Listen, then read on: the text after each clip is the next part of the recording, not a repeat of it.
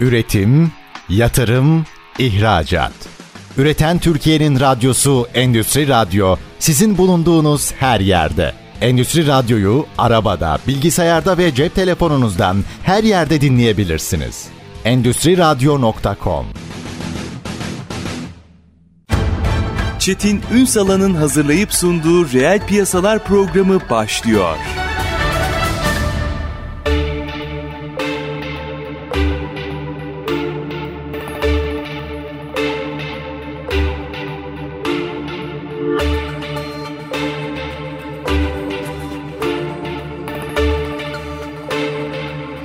Reel piyasalardan merhabalar. Türkiye'nin gerçek gündeminde birlikteyiz. Aslında e, bugün çok şey konuşacağız. E, bir rapordan yola çıkacağız. Onun dışında aslında yönetimin nasıl değiştiği, yönetim bakış açılarının nasıl değiştiğine kadar uzanan geniş bir yelpazede sizler için farklı konuları e, mercek altına alacağız. Ama önce yapay zeka çağında liderlik raporunu e, mercek altına alacağız. Çünkü bu aynı zamanda değişen yönetim dinamiklerini de bize anlatıyor. Oradaki lider vasıfları işin yönetim adına nelerin değiştiğini, hangi bakış açılarının yeniden e, kurgulanması gereğini de e, işaret eden tespitlerle dolu kıymetli bir konumuz var. Kar, e, Karni Türkiye Direktörü Onur Okutur bizlerle birlikte. Sayın Okutur hoş geldiniz. Hoş bulduk Çetin Bey çok teşekkürler. Üstadım herkes bir kere liderlik galiba her alanda ön plana çıkan ana başlık oldu. Yanılıyor muyum bilmiyorum. Herkes bir liderler şöyle olmalı, şöyle değişmeli derken siz zaten dünya çapında bunu e, hep anlatıyorsunuz. E, bütün bu yönetimsel e, meseleleri ama oralara geleceğim. Asıl şu raporla başlayalım. Tabii.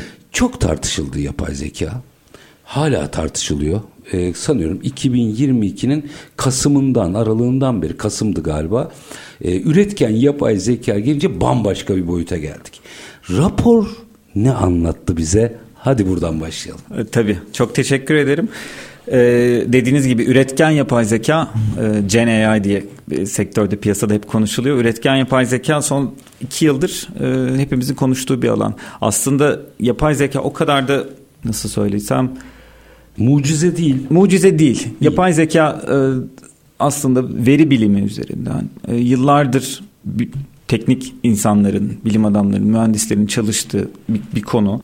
Otomatik bir şekilde veri tanıma ve veriyi anlamlandırma sistemi üzerinden geliyor. Toplanan bütün bu veriler üzerlerindeki bir, bir patern var mı yok mu üzerinden ilerleyerek anlamlı sonuçlar çıkartılmaya çalışılıyordu. Aslında veri ekonomisinin en önemli anahtarlarından birini oluşturuyor. Doğru ve ve, ve bu bu veriler artık son zamanlarda gelişen teknolojiyle e, veri depolama teknolojimiz gelişti, veri işleme teknolojimiz gelişti ve veri sayımız çok arttı. E, cep telefonlarımız, bilgisayarlarımız, mobil cihazlar bütün bunlar sayesinde araçlarımız her an her yerden veri toplamaya başladık bu veriler artık anlamlı bir hale işlenmeye başlandığında artık yapay zeka adını koymaya başladık. Burada galiba e, raporda da biraz o konulara atıfta e, bulunuyor. Şimdi bu veri var, veri yönetimi de var. Ortada bir takım doneler var. Bunları doğru kullanabilen liderlerden bahsediyoruz galiba. Ee, biraz açalım mı? Mesela e, çok enteresan e, vurgular var orada, yüzdesel vurgular da var. E, şöyle bir ifade var, o hoşuma gitti. Özellikle küresel şirketlerde baktığımızda yüzde 73'ü yapay zeka dönüşümüne hazır olmadıklarını belirtiyor. Yani bilinmezlik çok fazla. Her yeni teknolojide olduğu gibi burada da bilinmezlik çok fazla. Ee, önce biz bu çalışmayı gerçekleştirirken dünyanın önde gelen en büyük 100 e, şirketinin e, yöneticileriyle görüştük. Yapay zeka hakkında ne düşünüyorsunuz? Özellikle üretken yapay zeka hakkında ne düşünüyorsunuz? Aslında pek çok yeni teknolojide olduğu gibi e, yöneticiler, insanlar buna heyecanla bakıyorlar. Ki Davos'un ana gündem maddesiydi. Evet. %91'i bunu bir şans olarak riskten çok şans işlerimizi iyi iyi niyetli görüyorlar. E, işler daha verimli olacak, e, daha hızlı karar almaya başlayacağız. Verimliliğimiz artacak, maliyetlerimiz düşecek, müşterilerimize daha hizmetler sunacağız. Hep pozitif yanları öne çıkartılıyor. E, ve anket sonucunda, çalışmamızın sonucunda %91'i e, bunu bir fırsat olarak görüyor. Ancak peki bu, bu %91'e sorduğumuz zaman peki siz buna hazır mısınız ne yapıyorsunuz diye sorduğumuzda buna hazır olmadıkları bu %73 de oradan geliyor. 91'in 73'ü yani bu. Ee, yok gerçi yüzün 73'ü. Yüzün 73'ü, yüzün 73'ü oradan geliyor. Ee, sonuçta risk olarak gören yöneticiler de hazır o değiller, değiller. bu riskleri karşılamak için. Ee, böyle bir fırsat var. Herkes iyi niyetle bakıyor ama muazzam bir bilinmezlik var. Ee, benzer konuları son zamanlarda mesela kripto paralarda da yaşadık. Ee, blockchain teknolojisinde yaşadık. Ondan önce birkaç yıl önce Endüstri 4.0 konuları geçerken tabii, de yaşadık. Tabii. Ne zaman böyle bir yeni bir alan açılsa herkes merak ediyor. Yatırımlarını bu yöne kaydırmaya çalışıyor, e, öğrenmeye çalışıyorlar. Ancak işin değişimi, dönüşümü, dönüşümün gerçekleşmesini bize zaman gösteriyor. Burada e, ilginç bir durum var. Şimdi eskiden yeni bir teknoloji geldiğinde çok daha yönetilebilir oluyordu. Zaman vardı çünkü. Şimdi son yıllarda yapay zeka da bunun işin içinde. E, bilmiyorum araştırma raporunda bunlar da çıktı mı? Çıktıysa ne olur paylaşın. Sanki e, bu kadar büyük bir hızda ani hareket edip bir hata yapmaktan korkan bir yönetici kitlesiyle de karşı karşıyayız sanki. Ee, çok doğru söylediniz. Bu sadece yapay zeka için değil. Şu anda teknolojinin ve iletişimin bu kadar hızlı olması nedeniyle, değişimin bu kadar hızlı olması nedeniyle e, yöneticiler daha önce birkaç veri kaynağından e, yapılan analizler belliydi ve toplanılacak veriler belliydi. Bir karar vermeden önce bu işe girelim mi girmeyelim mi, bu yatırımı yapalım yapmayalım mı kararını vermeden önce yapmaları gereken şeyler biraz daha sistematikti. Şimdi sürekli bu soruları sorup bu analizleri yaptığınız zaman sürekli değişen bir pazar piyasa ortamı var. Bugün aldığınız veri bir hafta sonra geçerliliğini yitirebiliyor. Ee, bu sadece yapay zeka değil pek çok yatırım kararında. Yeşil dönüşüm, enerji dönüşümü, hidrojen teknolojilerine mi yatırım yapalım, yeşil amonyak teknolojisine mi yatırım yapalım, Yeni bir enerjinin hangi kaynağına yatırım yapalım? Karbonsuzlaşmadan bahsediyoruz. Nükleer enerjiye devam edelim mi, etmeyelim mi gibi konular da aynen bu yapay zeka konusunda olduğu gibi sürekli değişiyor. Bugün bir yeşil hidrojen tesisi kurma kararı alacak olsa bir yönetici, bir lider, bir şirket sahibi e, hidrojenin gelecekteki fiyatına, alternatiflerin fiyatlarını karşılaştırır. Bir gelir gider tablosu çıkartıp bu yatırım kendilerini ne kadar sürede karşılar karşılamaz bu hesabı yapıp kararını verebilecekken e şimdi doğalgaz fiyatı her gün değişiyor. Elektrik fiyatı her gün değişiyor. Kanunlar, mevzuat her gün değişiyor. Pat diye bir jeopolitik riski oluyor. Jeopolitik fiyatlar, fiyatlar yine artıyor. O yüzden bu kararı yine vermekten imtina ediyorlar, çekiniyorlar. Yapay zekada da benzer bir durumla karşılaşıyoruz. Çok fazla bilinmeyen var. Çok güzel örnekler görüyor yöneticiler, liderler. Biz bu işe girelim mi, girmeyelim mi?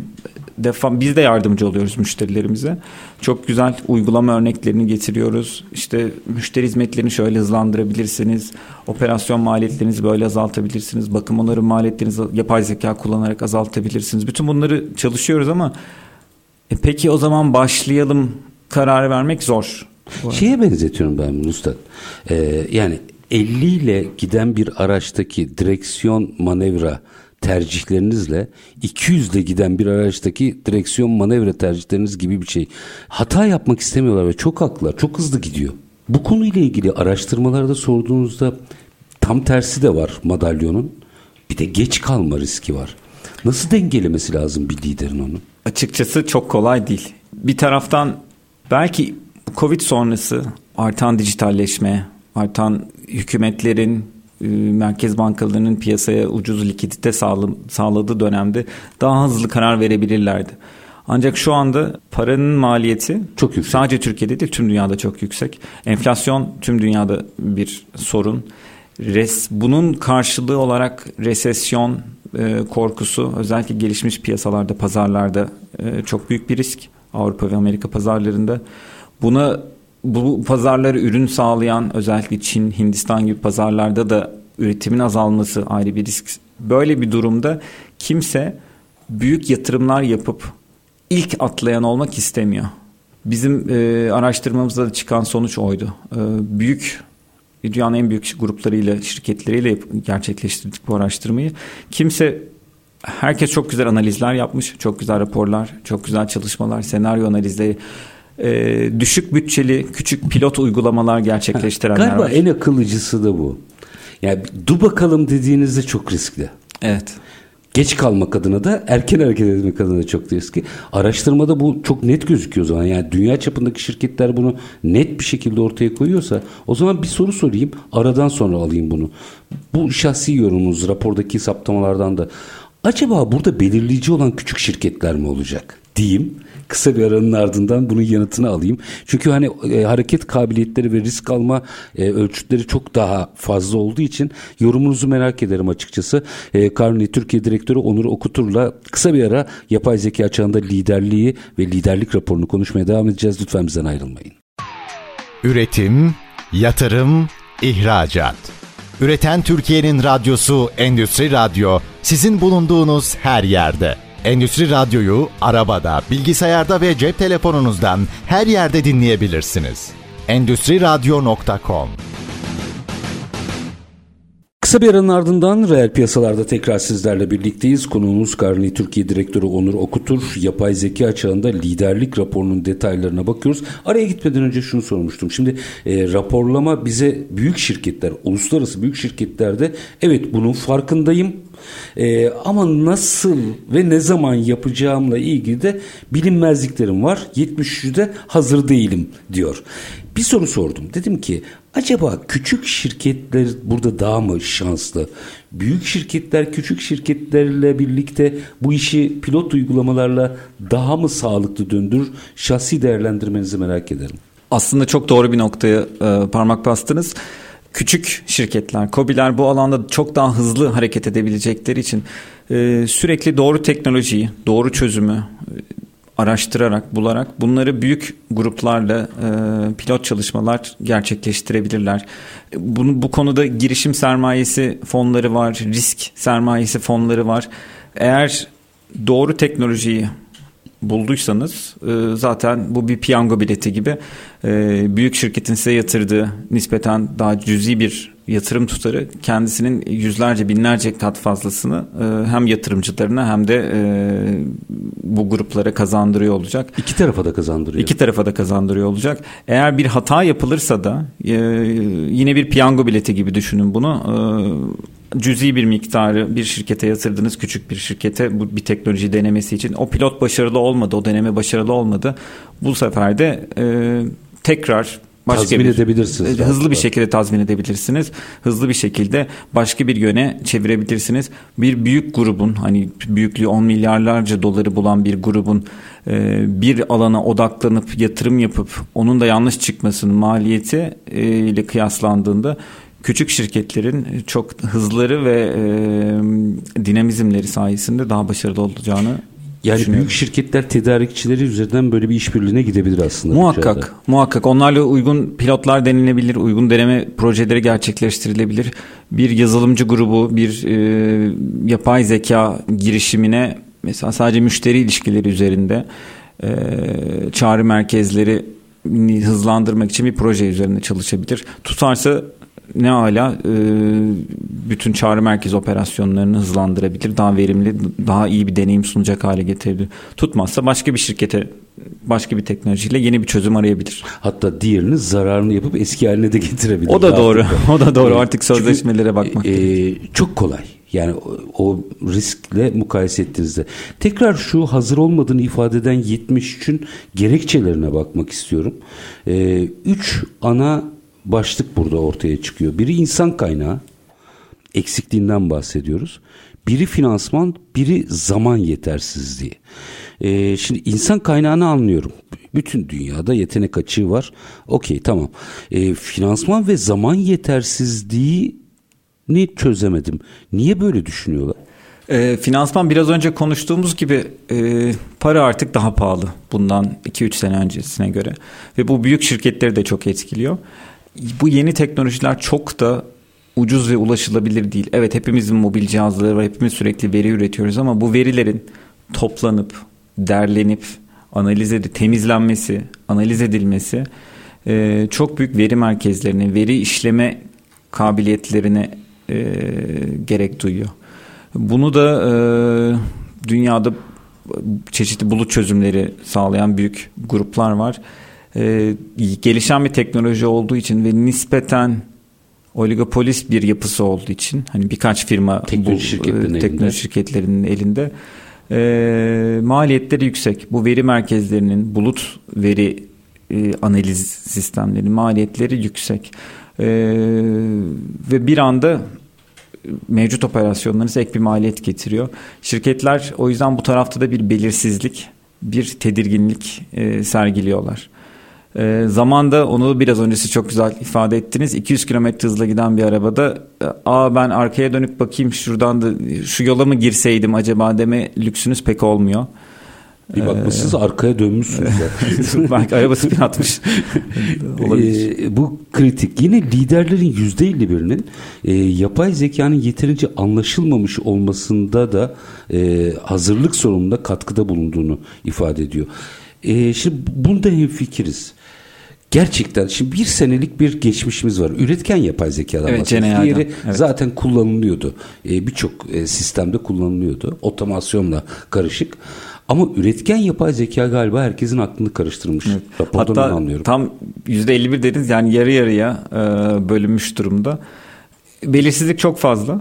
Tam olarak anlaşılmaması da ilgi çeksin diye ilk kullanılan, öne çıkartılan özellikleri e, daha çok böyle e, müşteri, kişisel kullanımda ki avantajlar öne çıkartıldı. B2C tarafı da. Evet.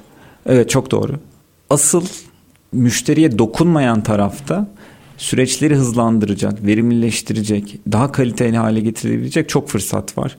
Ee, bunlar B2C tarafında olduğu kadar, müşteriye dokunan tarafta olduğu kadar ön planda değil. E, o yüzden insanların kafasında bir kafa karışıklığı oluşuyor.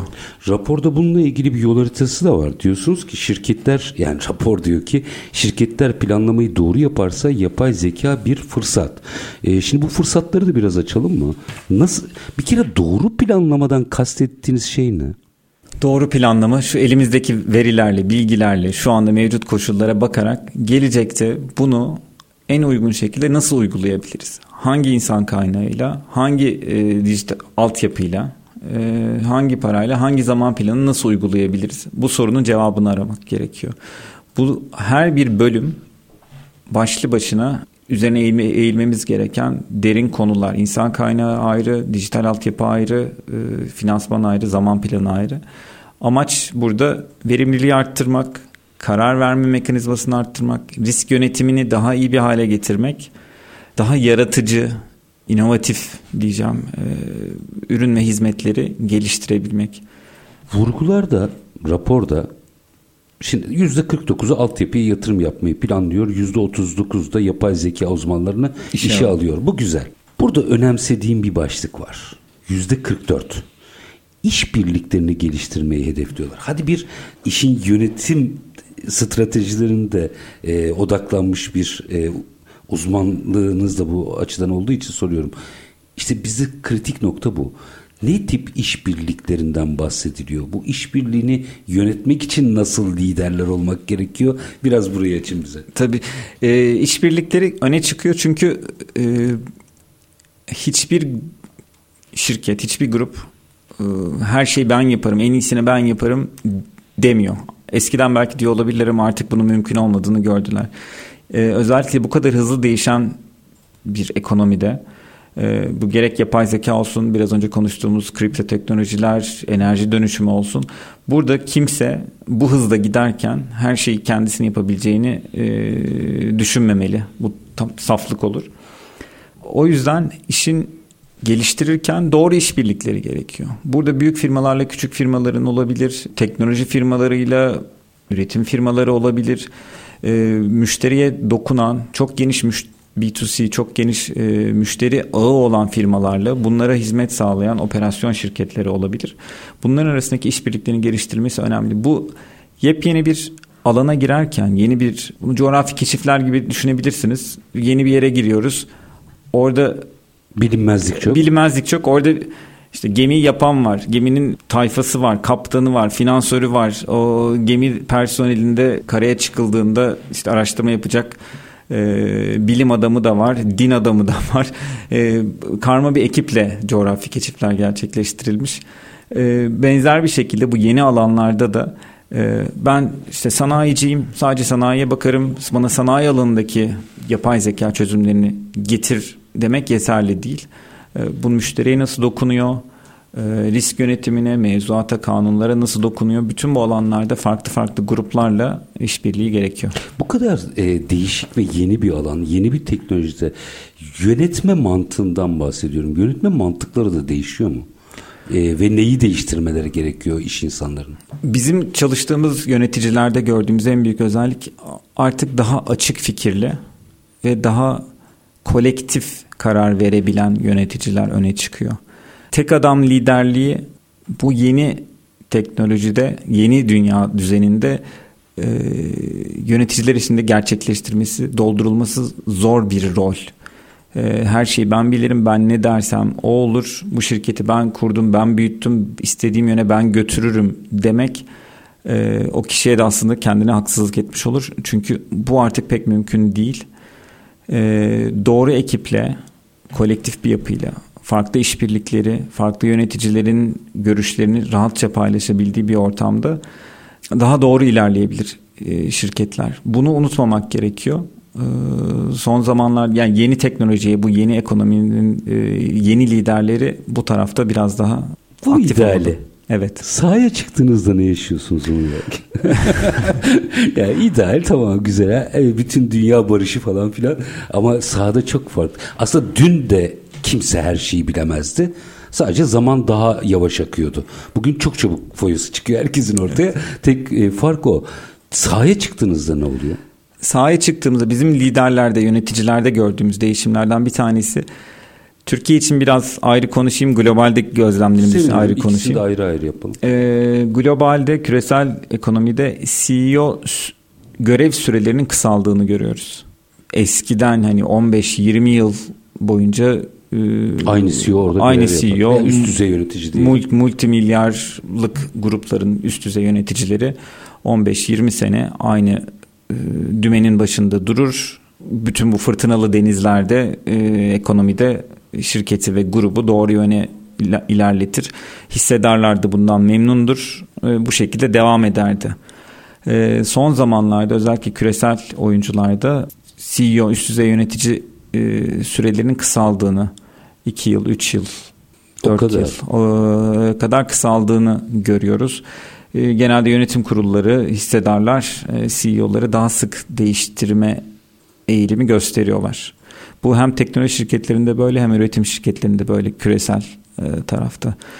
Türkiye'ye gelecek olursak Türkiye bir geçiş döneminde, geçiş sürecinde e, işini çok iyi yapan e, CEO'lar, bu yeni düzene e, ayak uydurabilen CEO'lar e, görevlerinde devam ediyorlar. Bu değişen kültürle çatışan CEO'ların da Türkiye'de de süre, görev sürelerinin kısaldığını gözlemliyoruz. Ama bir geçiş sürecinde Türkiye'deki yöneticiler.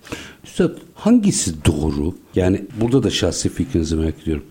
Geçtiğimiz günlerde şimdi adını vermeyeceğim, kanalını da vermeyeceğim. Dizide enteresan bir şeye denk geldim ben. Gruptaki genç liderler dönüşüm istiyor. Diğeri de hayır diyor bu çok riskli bir hareket bize uygun değil diyor yönetim kurulu başkanı. Kim haklı kim haksız o artık dizinin meselesi bizim değil ama orada ilginç bir şey oluyor.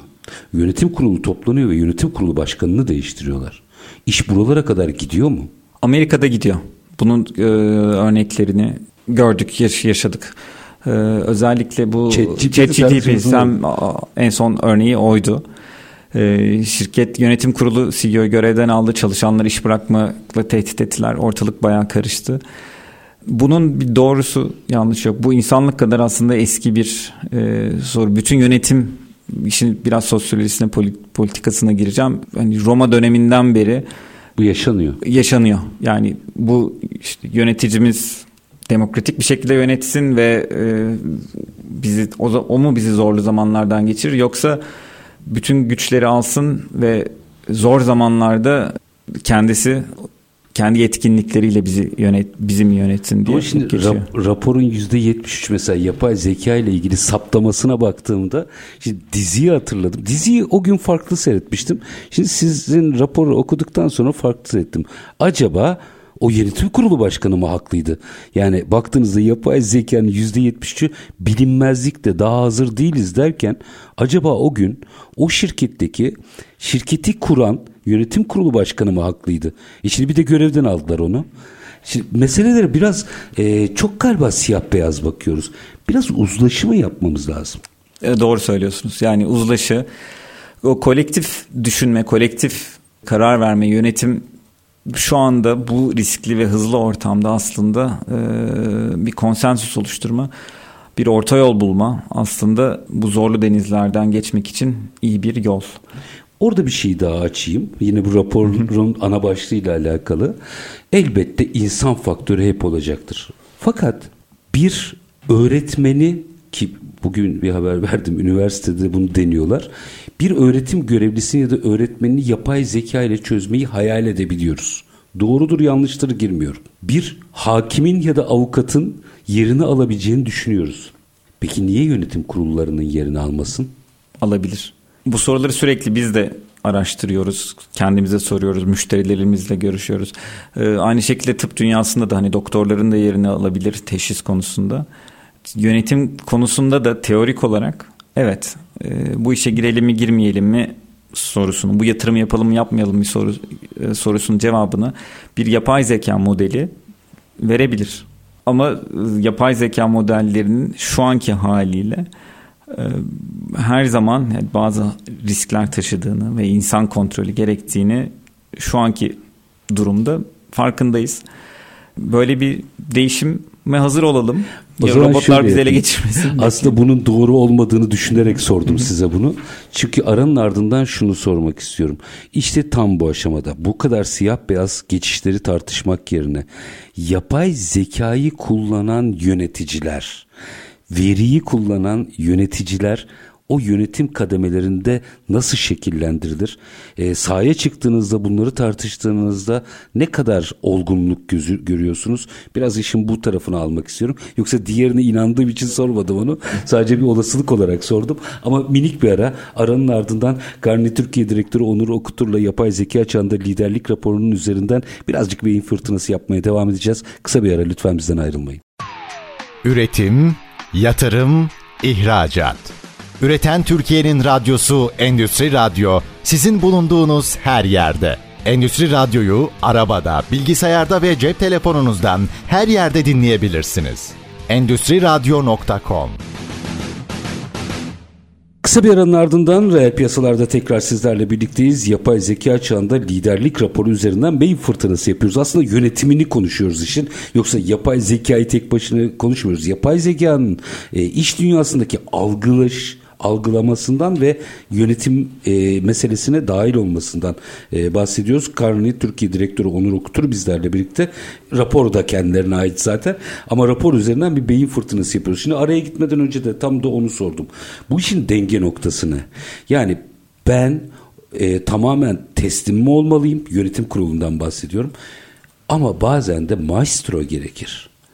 Yani evet veriyi kullanayım, verileri alayım, buna inanayım. Ama benim de bir tecrübem var.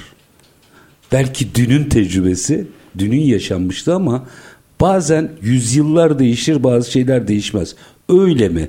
Herkese yönetimi anlatıyorsunuz. Ben size sorayım. Öyle mi gerçekten? İnsan faktörü önemli. İnsan faktörü çok önemli. İnsan faktörü olmadan e, zaten toplum olarak ilerlememiz, yaşamamız mümkün değil. E, yapay zekayı her şeyi bırakmamak gerekiyor. Onu bir araç olarak kullanmalıyız. Kararımızı etkileyecek, karar karar verebilmemiz için e, topladığımız verileri bir araya getirebilecek, analiz edebilecek ek bir kaynak olarak, işimizi hızlandırabilecek bir kaynak olarak görmek en doğrusu. Yine de son kararı e, insanın kendisi vermiş. İşi teslim etmek doğru değil diyorsunuz yani. İşi teslim etmek doğru değil. İşi teslim etmek yerine işi işte yapay zekayı kullanıp işleri hızlandırmak, verimli hale getirmek amacımız. Ee, şu anki mevcut teknolojiyle, şu anki mevcut algoritmalarımızla zaten ya, her şeyi yapay zekayı teslim etmenin e, zararlarını, kötü örneklerini görüyoruz, duyuyoruz. İleride bu çok hızlı gelişen bir teknoloji. İleride nasıl değişir, nasıl dönüşür Hiçbirimiz e, bilemiyoruz ama otonom araçların kaza yaptığı, yanlış AI tarafından, yapay zeka tarafından yanlış teşhis konulmuş tıbbi örnekleri e, görüyoruz. Bir mahkeme örneği var Amerika Birleşik Devletleri'nde etik sorunu çıkıyor. E, do- doğrudur. Hep de bir yapay zeka etik testi. MIT'nin galiba öyle bir etik hmm. enstitüsü var. Hangisinin frenleri patlamış bir araba karşısında sürekli kullanıcılara şey soruyorlar. İşte direksiyon çevir mi dışındakiler işte, direksiyon çevirirsen işte e, karşında işte bir yaşlı adam bir genç çocuk var. Diğer tarafta hamile bir kadın var. Hani hangisini e, hangisine çarpmak zorunda kalırsın? Bunu değiştiriyor. İşte üç tane doktor var bir tarafta. Bir tarafta da işte üç tane bebek var. Hangisine çevirirsin gibi. E, yapay zekayı etik tarafta eğitecek uygulamalarda modellerde çalışılıyor diğer tarafta iş dünyası için birazcık daha izlenmesi gereken evet. mesele. Ama bununla birlikte raporun değerlendirmesinde şöyle bir ifade kullanıyorsunuz. Diyorsunuz ki Türk şirketleri yapay zeka yarışında geri kalmamalı. Bunu biraz açalım mı? Tam olarak nerede geri kalmamalı? E, dünyadakilerin yüzde 73'ü bilinmezlik içinde iradelerini ortaya koyarken nerede geri kalmayacağız peki? Mesela ben bir Türk şirketinin yöneticisiyim. Rastgele söylüyorum olmadığı için söylüyorum. E ben nerede geri kalmayacağım? Dünya daha çözememiş. Hadi siz açın. Dünya tam bir yani çözemedi demek de çok doğru değil. E, bu alanda farklı farklı e, uygulama alanlarında e, bizim use case dediğimiz uygulama çok fazla uygulama alanı var. Müşteri ilişkilerinde, çağrı merkezlerinde, faturalama sistemlerinde e, işinizi hızlandırabilecek, müşteri deneyimini iyileştirebilecek, hata oranını azaltılabilecek uygulamaları var. Fabrikanızda üretim yapıyorsanız üretim hatalarını azaltabilecek, bakım onarım maliyetlerini düşürebilecek, satın alma maliyetlerinizi azaltabilecek uygulamaları var. Satın alma tarafında size çok hızlı bir şekilde satın alma pazarlığı konusunda veri desteği verebilecek. Geçen sene ben bu ürünü e, şu kadar kalem ürünü şu fiyattan almıştım. Rakip hemen bir yapay zeka motoru size şu anki e, rakip, analizi, analizi çıkartacak. Diyecek ki kardeşim ben geçen sene senden bunu 90 liraya almışım. Sen bana bunu bu sene 150'ye satamazsın. Sana maliyeti bunun 105 bu, sana işte 110'dan fazla vermem pazarlığını yapabileceksiniz. Böyle farklı farklı uygulamaları var. E, sayısız yani yüzlerce e, biz de Carney olarak şirket olarak bu uygulamaları geliştiriyoruz. Müşterilerimizle uyguluyoruz pilot projelerde. Ve bunlar ilerlerken Türk şirketlerinin geri kalmaması gerekiyor. O zaman sözlerinizden şunu çıkarttım.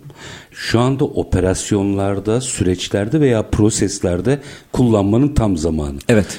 Yönetimde karar verebilmek için biraz daha zaman var. Ama proseslerde, operasyonlarda yapay zekayı kullanın manası çıkarıyorum buradan. Çok doğru söylüyorsunuz. Yani süreçlerinizi hızlandırıyor, verimli hale getiriyor, maliyetlerinizi azaltıyor, e, müşteri deneyimini arttırabiliyor ve bu sayede gelirleriniz de artabilir. E, bütün bu aşamalarda kullanabilirsiniz. Müşterilerinize doğru ürünü e, doğru fiyattan sunmanızı sağlayacak. Süreçlerinizde bunları bu tip çözümleri sürekli pazarı piyasayı takip ederek size en uygun çözümü seçerek uygulamanız mümkün. Yönetim olarak daha büyük stratejik kararlarda ise analizinize katkı katkı sağlayacak. Analiz sürenizi hızlandıracak bir araç olarak görmek gerek. Yani ben bu yatırımı yapayım mı yapmayayım mı? Ben yurt dışında şu ülkeye şu pazara gireyim mi girmeyeyim mi? Ya da bu fabrikamı kapatayım mı kapatmayayım mı sorularını yapay zekaya şimdilik bırakmamak gerekiyor. Bence en dengeli nokta bu oldu. Yani onu bir teknoloji olarak kullanmak yönetim aşamasında ama proseslerde de verimliliği arttırmak için e, kullanmak gerekiyor. Doğru anladım galiba. Doğru. Doğru. Aynı şekilde düşünüyoruz. Peki e, bütün bunlarda e, mesela şu ne bir ifadeniz var değerlendirmede. Henüz adım atmamış kuruluşların bir an önce harekete geçmeleri gerekiyor. Hadi biraz sahadan da örneklerle bunu biraz konuşalım mı? Harekete geçmeye nereden başlamaları gerekiyor? Biz genelde e, maliyet tarafından yaklaşıyoruz. Şu anda belki manuel ilerleyen bazı işlemler, muhasebe departmanı olur, satın almadaki bazı e, süreçler olur. Bunları otomatik hale getirmek ve bunların kontrolünü de yapay zeka modelleriyle yapmak işleri hızlandırır. E, sürekli tekrar gerektiren, çok fazla iş gücü gerektiren insan kaynağı gerektiren bazı e, işlemler otomatikleştirilebilir ve bunların kontrolü e, ve dü- düzenlenmesi yapay zeka modelleri tarafından yapılabilir. Maliyetlendirme ve e, verimlilikten mi başlamaları gerekiyor? Bizim tavsiyemiz o çünkü e, sonucunu çok daha hızlı Hmm. görebilecekleri, geri dönüşünü daha hızlı görebilecekleri alanlar. Direkt e, gelir tablosunda e, maliyetleri azalttıkları için e, şirketlerde e, sonucun daha hızlı görebilecekleri bir alan. Biraz da iştah artıyor galiba değil mi o zaman?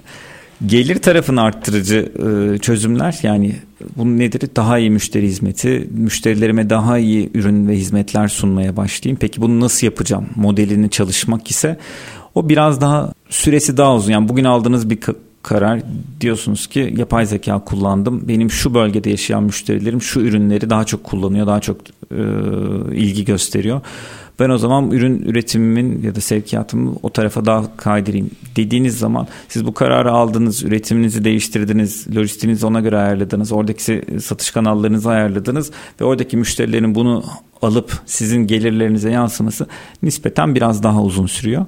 O yüzden önce maliyet tarafından sonra gelir tarafına bakılması şirketler için, e, yöneticiler için bu yolculukta daha iyi bir yol Üst haritası. başlık olarak şunu söyleyebilir miyim o zaman? Yapay zekayı önce içeride kullanmaya başlayın. Bu tartışılır ama benim şahsi görüşüm evet. Ee, içer ve bunu yaptığınız zaman e, içerideki e, yönetimdeki bariyerleri de biraz kırmış oluyorsunuz. Kendinizi kanıtlamış oluyorsunuz. Ee, bu %73'ün aklındaki belirsizlikleri biraz azaltmış oluyorsunuz. Aa evet hakikaten işe yarıyormuş. Hakikaten bize para kazandırıyormuş. Maliyetlerimizi azalt, azaltabiliyormuşuz. Demek ki e, burada bir fırsat var diyerek bir sonraki aşamadaki gerekli insan kaynağı, zaman ve para yatırımlarının açmanız daha kolay oluyor. Yani içteki operasyonda başarılıysanız aslında buna şirketi para harcamaya ikna edebiliyorsunuz. Bunu anlıyorum. Çok düz mantık. Evet aslında kurtardığınız e, maliyetleri kısarak, azaltarak kazandırdığınız parayı yatırımda kullanabilirsiniz. Sahadan hiç ilginç bir şeye denk geldiniz mi böyle aklınıza geliyor mu? Ya gittiniz bunu anlattınız. Kullanan ve kullanmayan böyle hani defans edenle "Ya tamam deneyelim deyip sonuçlamaları hiç geliyor mu aklınıza? Rastgele sordum ya. Özellikle Şirket adı vermeyin lütfen. Şirket adı vermeden şöyle söyleyeyim. Genel gözlemimi söyleyeyim. Genç arkadaşlar, e, müşterilerimizde çalışan genç arkadaşlar her alanda bunu kullanmaya başlıyorlar. Yöneticiler hala biraz daha tedirgin yaklaşıyorlar. Bu işte bu işi de işte chat GPT'ye bu tip üretken yapay zeka araçlarına ya- yaptıralım mı ya bu gerek var mı derken e, genç arkadaşlar çok daha hızlı, dinamik, yeni e, çarpıcı örnekler getiriyorlar. E, müşterilerine atacakları Mesaj, bilgilendirme. mailleri, mesajları e, yapay zeka araçlarına yazdırıyorlar ve gayet kusursuz oluyor. Çok kusursuz olunca hatta düzen bunu biraz daha günlük dile çevir diyebiliyorsunuz. Ona göre dilini biraz daha basitleştiriyor. Tam böyle genç arkadaşlar hani normalde benim belki hani bir saatte düşünerek işte kelimesine her bir kelimesinin noktalama işaretine dikkat ederek yazacağım bir maili bir müşterime yazacağım maili genç arkadaşlar 5-6 dakikada çıkartabiliyorlar. Ee, orada da artık ne kadarı tecrübe, ne kadarı e, hani ne kadar gözden geçirmeye gerek var. Onu da e, bu süreçte hep birlikte öğreniyoruz. Üstad bu şeye benziyor. Ee, bizler daha gençken komşu çocukların bazen dönem ödevlerini yazardık. Abi bu çok yukarıda olmuş. Bunu dördüncü sınıf seviyesine getir diye düzeltirdik. Yapay zekanın hikayesi de bu galiba. Mükemmel çıkanı müşterinize göre ayarlamak durumundasınız. Onu e, yapıyor bizim de genç arkadaşlar, genç danışmanlar. Takdirle kullanıyoruz biz de. Müthişsiniz. Ya, e, şimdi bundan sonraki süreç bir 4 dakikam, 3 dakikam var. Şunu konuşmak isterim. Bütün bu fotoğrafı ortaya koyduktan sonra yönetim adına, yöneticilik adına, liderlik adına, hatta bence şirketlerin karakteri adına bizi nereye doğru bir yolculuk bekliyor? Bir 3 dakikada bunun sohbetini yapalım öyle veda edeyim. Çok derin bir soru bu. Ee, konu Üç yapay, ze- yapay zekanın çok ötesinde. Jeopolitik olarak e, çok daha riskli bir dünyaya ilerliyoruz. Artan kutuplar, yükselen kutuplu iş dünyası. Ticari anlaşmazlıklar ve belirsizlikler. Ülkeler, şirketler yeni mevzuatlarla, kanunlarla sınırlarını çiziyorlar. Yeni anlaşmalarla, işbirlikleriyle, kısıtlayıcılar, kısıtlayıcı yöntemlerle bu değişimi kontrol altına almaya çalışıyorlar. Bir yandan çok hızlı gelişen bir teknoloji, bir yandan da bunu mevzuatını arkadan yazmaya çalışan e, devletler, hükümetler var. Bu bizi belirsiz bir dünya bekliyor. Bir taraftan yeşil enerji dönüşümü çok ciddi bir ajanda konusu. E, ama bunun ne kadarı içten ve gerçek, ne kadarı ticari bir ne kadar yeşil boyama, ne kadarı ticari bir savaşın yeni bir cephesi. Bunlar hep tartışılan konular e, blockchain teknolojisi, kripto paralar aynı şekilde uluslararası finansmanın verimliliği açısından bir yandan çok kritik bir yandan da mevzuat arkadan geliyor. Acaba başka şeyleri önlemek için neler yapabiliriz diye konuşmalar oluyor. Yapay zekada öyle bir alan. E, yapay zekanın içi, veri aldığı altyapı ne kadar sağlıklı, kullanılan veriler e, ne kadar kişisel veri, ne kadar değil ne kadarı paylaşılabilir, ne kadarı paylaşılamaz. Bunlar hala çok belirsiz. Yine arkasından mevzuat ve e, buna yetişmeye çalışan hükümetler, devletler var. Bu belirsizlik ortamında her her bilgiye, her kanaldan gelecek bilgiye, veriye dikkatli bir şekilde bakıp bunları doğru işleyip doğru kararı verebilen sistemlere ve yöneticilere ihtiyacımız var. Kimse robot değil şu aşamada hiçbir yönetici. Bu kadar hızlı ilerleyen, sizin en başta söylediğiniz gibi 200 kilometre saatte hızlı giden bir araçla ani aynı manevra yapamazsınız. Ani manevra yapamazsınız. Aynı anda e, 100 ayrı noktaya bakamazsınız. O yüzden yöneticilerin de şirketlerin de buna hazır altyapılar geliştirmesi gerek. Bu sadece dijital araçlar değil, insan gücü altyapısı da buna uygun olması gerek. Yönetim kültürünün de buna uygun, uygun olması gerek. Daha kolektif, daha risk algısı yüksek, her an her yere e, gelebilecek risklere ve değişimlere hazır, hızlı hareket edebilecek bir yönetim yapısı kurmak gerekiyor. İlk hangi ezberimi bozmam lazım? Yani niyetliyim tamam bir tarafta risk bir tarafta fırsat. Bir yola çıkayım dediğimde ilk hangi ezberimi bozacağım bir yönetici olarak? e, bu üretken yapay zeka araçlarını Tabii. kullanmaya yetkin ve yatkın e, hem bunları kullanabilen hem de ilgisi olan kişilere biraz daha yönetimde söz verebilirsiniz. Onların da görüşünü alıp bir üretken yapay zekaya da soralım. O bu veriler ışığında ne diyor diye ek bir görüş olarak isteyebilirsiniz. Bence çok somut bir e, öneriydi. Üstad çok çok teşekkür ederim. Çok keyifliydi. Raporda enteresan e, yani bu kadar hızlı gittiğimiz bir e, dünyada teknoloji döneminde e, yöneticilerin burada nabzının tutulması, değişen yönetim dinamikleri e, adına çok şey anlatması anlamında da bu yapay zeka çağında liderlik raporu kıymetliydi. Detayları bizlerle paylaştınız. E, Karni Türkiye Direktörü Onur Okutur çok teşekkür ediyorum. Ben teşekkür ederim. Çok Var olunuz. Efendim biz bugün e, Türkiye'de ve dünyada e, çok gündemde olan biraz magazin, biraz e, ürkek biraz da e, sanki mucizeymiş gibi. Bakın her taraftan söyledim. Farklı farklı algılarla ortaya konulan üretken yapay zekadan bahsediyoruz tabi. Yapay zeka çağında bambaşka aslında bu konulardaki karar verici mekanizmasında olan e, liderleri e, üzerinde durduk. E, çünkü yapay zeka çağında liderlik raporunu bunun üzerinden okumaya çalıştık. Konuğumuz Karni Türkiye Direktörü Onur Okuturdu. Biz her zamanki gibi bitirelim. Şartlar ne olursa olsun paranızı ticarete, üretime yatırmaktan, işinizi layıkıyla yapmaktan ama en önemlisi vatandaş olup hakkınızı aramaktan vazgeçmeyin. Hoşçakalın efendim.